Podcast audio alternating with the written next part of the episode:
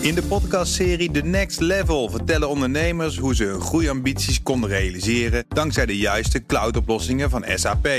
Wat waren de uitdagingen, de oplossingen en hoe ging de uiteindelijke implementatie? Benieuwd naar hun verhalen en hoe zij met behulp van SAP ook hun toekomstige ambities kunnen behalen? Luister de podcast The Next Level via de BNR-app of je favoriete podcast-app. Tech Update. Nothing to lose. Stijn goedemorgen. Goedemorgen. Snapchatmaker Snap is gigantisch gekukeld op de beurs na de fantastische kwartaalcijfers. ja, helaas. Nee, ja, het, blijft nieuws. Hè. Gisteren hadden we het er ook al over. Uh, toen nog voordat de kwartaalcijfers bekendgemaakt werden. Maar toen hadden ze ook al vast wat nieuws. Namelijk dat ze 10% eh, van het personeel gingen ontslaan. Uh, toen reageerde de beurs daar niet eens zo heel erg slecht op. Dat ging eigenlijk nog een beetje omhoog zelfs. En vannacht kwamen daar de kwartaalcijfers van 2023. De laatste kwartaalcijfers nog even bij. En daar werden analisten ja, teleurgesteld met de lagere omzetgroei dan verwacht. Maar 5% omzetgroei naar 1,36 miljard dollar. Dat was verwacht dat dat wat meer zou zijn. Uiteindelijk draaiden ze een netto verlies in dat kwartaal van 248 miljoen dollar. In dat laatste kwartaal. En voor het huidige kwartaal wordt een verlies voorspeld tussen de 55 en 95 miljoen dollar. En dat is ook meer dan analisten hoopten. Meer verlies dus. De beleggers niet blij mee, hè? Nee, en daarom worden ze daar flink op afgestraft. Maar liefst 30 procent kelderen ze naar beneden op de beurs. Nou, dat is uh, niet niks. Uh, en in een brief aan de aandeelhouders legt Snap de oorzaak bij ja, de uitdagende markt. Uh, de afgelopen twee jaar heeft Snap een brede herstructurering van het bedrijf gedaan. Er ging in 2022 al 20 procent van het personeel weg. Vorig jaar ook nog een beetje. Nou, nu dus begin van 2024 weer 10 procent. En dat komt allemaal omdat ze ja, moeite hebben om geld te verdienen met advertenties. Zeker nu Apple daar een stokje voor gestoken heeft. Meta heeft daar ook moeite mee. Maar Meta heeft er minder moeite mee dan Snapchat. Met is een veel groter bedrijf, kan daar veel meer op schakelen. Heeft ook meer platforms natuurlijk. En ze hebben gewoon gigantische spelers in die markt. Je hebt ook TikTok nog. Um, Snapchat heeft maar 800 miljoen maandelijks gebruikers. Dan denk ik, ja, dat is best veel. Maar vergeleken met die andere spelers is dat gewoon heel erg weinig. En daar moeten ze een hoop meer geld aan zien te verdienen komend jaar. En uh, het is nog maar de vraag of dat ze gaat lukken. Ja, WhatsApp gaat berichten uit andere chat-apps laten zien. Oh ja, oh, dus als ik ergens anders zit, Teams of zoiets, dan kan ik dat zien in WhatsApp? De, als iemand jou via Teams ik wil dit niet. Oké. Okay. Ja, nou, of via Signal of dat soort dingetjes. Inderdaad, ja, en dat komt door de nieuwe Europese Digital Market Dat moet, dat moet dus. Ja. Dat het eraan zit te komen. Uh, door die uh, nieuwe wet in Europa uh, is, zijn grote platforms verplicht om integratie met andere diensten toegankelijker te maken. En omdat WhatsApp de grootste berichtendienst in de EU is, is het dus verplicht om berichten van chat-apps als Telegram en, en Signal ja, meer ja, in de app te tonen.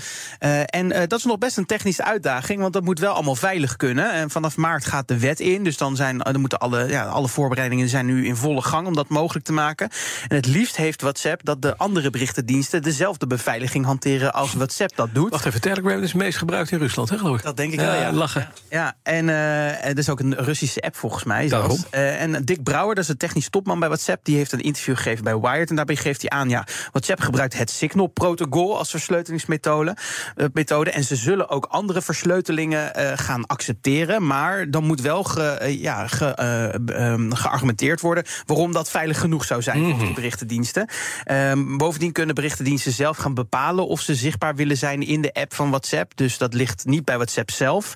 Uh, maar die moeten het dus wel mogelijk gaan maken. Als gebruiker, als de functie beschikbaar komt, uh, halverwege dit jaar, dan moet je die zelf handmatig nog gaan aanzetten. Fijn, want ik wil het helemaal niet. Nee, ja, wil gewoon dat niet wil, dus niet. Dat is wel fijn. Dat is wel fijn. Nou, dat je het gewoon kan uitzetten. Dat niemand jouw berichten kan sturen via andere apps. Uh, in maart zal Meta meer informatie gaan delen over hoe die integratie dan in zijn werk gaat. Uh, maar het kan daarna dus nog wel nog heel even duren voordat je dat zelf in je app ook ziet. Mm. Uh, maar ik kijk er wel naar uit. Ik vind het dus wel een goede, goede okay. uh, ontwikkeling. Maar Iwan zo te zien niet. Mm, nee. Oké, okay. dan gaan we naar student Jack Sweeney. Want die heeft een dwangbevel aan zijn kont van Taylor Swift. Ja, je zou kunnen zeggen. Sweeney. zou kunnen zeggen dat meneer Sweeney in trouble hem? is. Want eh, ja, je wil geen boze Swifties of eh, Taylor Swift überhaupt achter je aan hebben. Eh, dit is overigens niet de eerste keer dat deze student uit Florida in de problemen is. Nee, we kennen zijn naam, eh, hij heeft een account, eh, of meerdere accounts, honderden accounts op sociale media. Mhm. Waarmee hij vluchtgegevens van privéjets en helikopters deelt. die eigendom zijn van miljardairs, politici en andere publieke figuren. Had hij ook niet een fitty met Musk? Dat klopt. Eh, hij had een account de, genaamd Ja. de Elon Jet. En daar deelde hij inderdaad waar die, eh, de privéjet van Elon Musk heen ging. Op eh, X deed hij dat. Nou ja, dat, account, of dat platform is natuurlijk van Musk zelf. Dus die heeft er gewoon even geregeld dat dat account niet meer op X te vinden is. Eh, en ehm, eh, eh, ja, en de, de reden dat deze jongen dat doet is trouwens niet om mensen te pesten. Maar hij wil daarmee ook laten zien hoe uitsto- hoeveel uitstoten al die privéjets geven. Dat staat er ook altijd bij, hoeveel ze bijdragen aan de klimaatopwarming. Nou, volgens Sweeney doet hij niets illegaals. Want ja, het is sowieso allemaal openbare Ja, gegevens data. dat hij deelt. Ja. Ehm, eh, en je weet overigens niet wie er dan in dat vliegtuig zit. Je weet alleen dat het een vliegtuig is. En dat hij, nou, je kan op, opzoeken dat hij van Swift is, bijvoorbeeld. Dus je kan hem uitgeleend hebben of verhuurd. Ja, precies. Nou, nu blijkt dus dat ook de advocaten van Swift, een, eh, van Taylor Swift, een dwangsom hebben gestuurd eh, naar, eh, ja, om een vergelijkbare reden. Want in de brief van de advocaten aan, Tim of, aan Jack Sweeney sorry, staat dat dit is misschien een spel voor jou of een manier waarop je hoopt het, dat het je rijkdom of roem zal opleveren. Maar het is een kwestie van leven of dood. En hoe komt dat nou? Taylor Swift is de afgelopen maanden gestalkt door een man. Die man is hier eind januari opgepakt bij het huis van Taylor Swift in New York. En ja, Jack Sweeney die zegt tegen de Washington Post dat hij ook al eerder benaderd is door de advocaat van Swift. Eh, namelijk toen eh, Taylor Swift bekroond werd als eh, grootste beroemde CO2-uitstoter van 2022 door haar vele privéjetvluchten. En die analyse is toen ook gemaakt door de gegevens die Sweeney deelde. Toch is bewijsrechtelijk een beetje een lastig dingetje Ja. hoor. Want als je, nou, als je, je moet gaan be- be- bewijzen dat die stalker die, die haar belaagt, Ja. dat hij dat deed op basis van de informatie die hij onder Ja. meer abstraheerde van Jack Sweeney's account. Ja, die eh, advocaat van Swift, die, eh, die, plegen, het- die ze, ze gooien het nu vooral op het feit dat het emotionele schade, stress Ja, oplevert. ja, Bij de familie ook van Taylor Swift. En dat snap ik ook heel goed dat dat eh, zo kan zijn.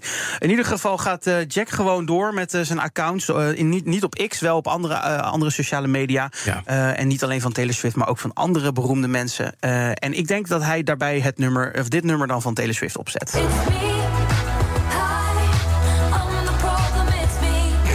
Vond ik toch leuk. Ik kan zoveel met die Wat tekst. zingt ze? I'm the problem, it's me. Oh, it's me. Oké, ja, ja. Ik zie het helemaal niet in de Taylor Swift. Eh, dat geeft niet. Ik word bij het andere kamp. Dua Lipa. Ja, we gaan nog even naar Musk toe, want die komt een belofte na en hij moet gaan lappen. Ja, lappen voor de kosten van andermans rechtszaak. Hij deed namelijk een tijdje terug een belofte... dat als mensen problemen hadden met hun baas... om wat ze deelden op X... dat hij die boete dan wel zou financieren met, eh, met Mhm. X zelf. Nou, daar maakt actrice Gina Carano eh, graag gebruik van. Die spant nu een rechtszaak aan tegen Disney notabene... met behulp van Elon Musk. Eh, nou gaan Musk, Musk en Disney sowieso niet echt goed door in deur... nadat Di- Disney als adverteerder stopte bij, Is, bij X.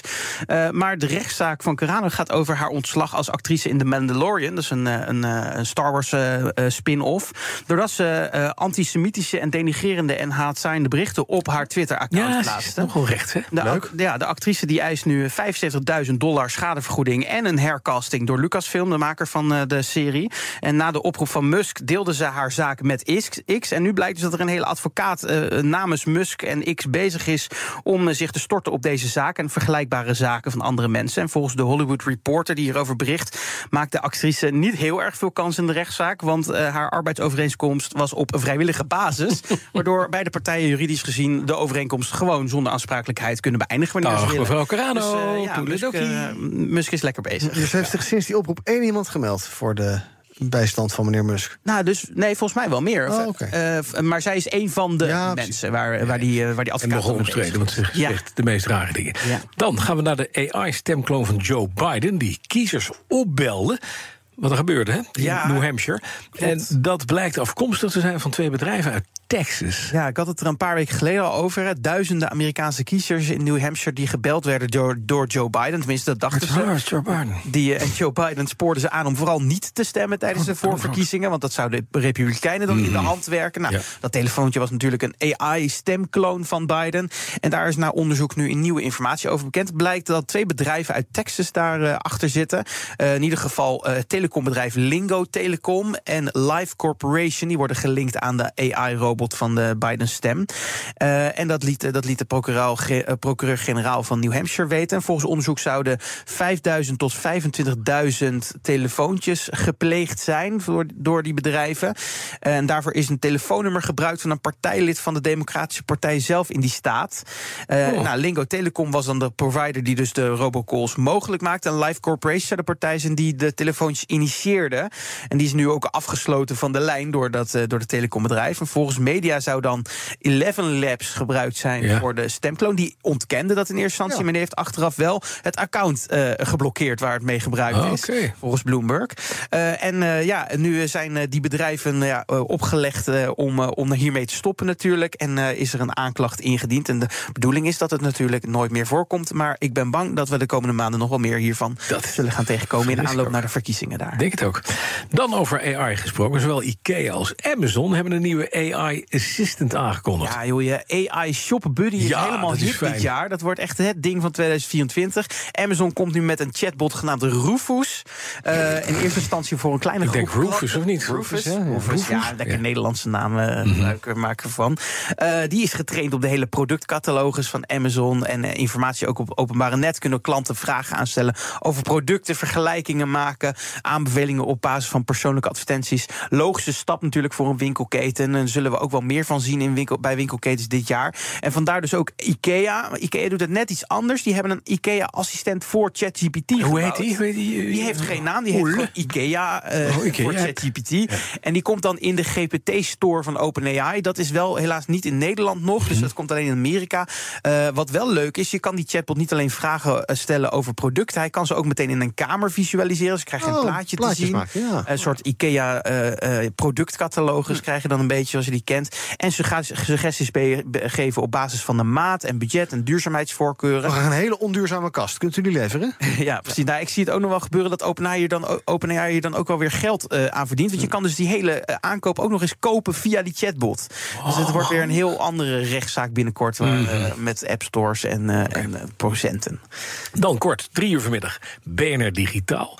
Ja. Waar gaan de mannen het over hebben? Ben Het van gaat den de Joe, Apple Joe van Vision- Buurik. Ja, het gaat over de Apple Vision Pro, zonder dat hij er is nog. Maar we hebben wel een appmaker in de studio die eh, apps maakt voor de Apple Vision Pro. is natuurlijk wel interessant om te vragen, ja, hoe werkt dat dan? Een appmaker voor niet, heeft dat ding waarschijnlijk ook computing. En ja, dat, dat is al wel interessant hoe je dat dan doet. Eh, en natuurlijk ook weer over AI, bijvoorbeeld een filosofisch gesprek over, ja, wat is nou tegenwoordig nog een foto? Als AI zelf eh, zoveel bewerkt aan zo'n foto voordat je hem nog maakt met je telefoon. Een filosofisch gesprek. Filosofisch gesprek. Wat is een foto, Bas? Denk Joe daar nou maar en- eens over na. Joe en Ben, onze huisfilosofen. Vanmiddag in BNR Digitaal om drie uur. Dankjewel, Stijn Goosens. De BNR Tech Update wordt mede mogelijk gemaakt door Lenklen. Lenklen. Betrokken expertise, gedreven innovaties. In de podcastserie The Next Level vertellen ondernemers hoe ze hun groeiambities konden realiseren dankzij de juiste cloudoplossingen van SAP.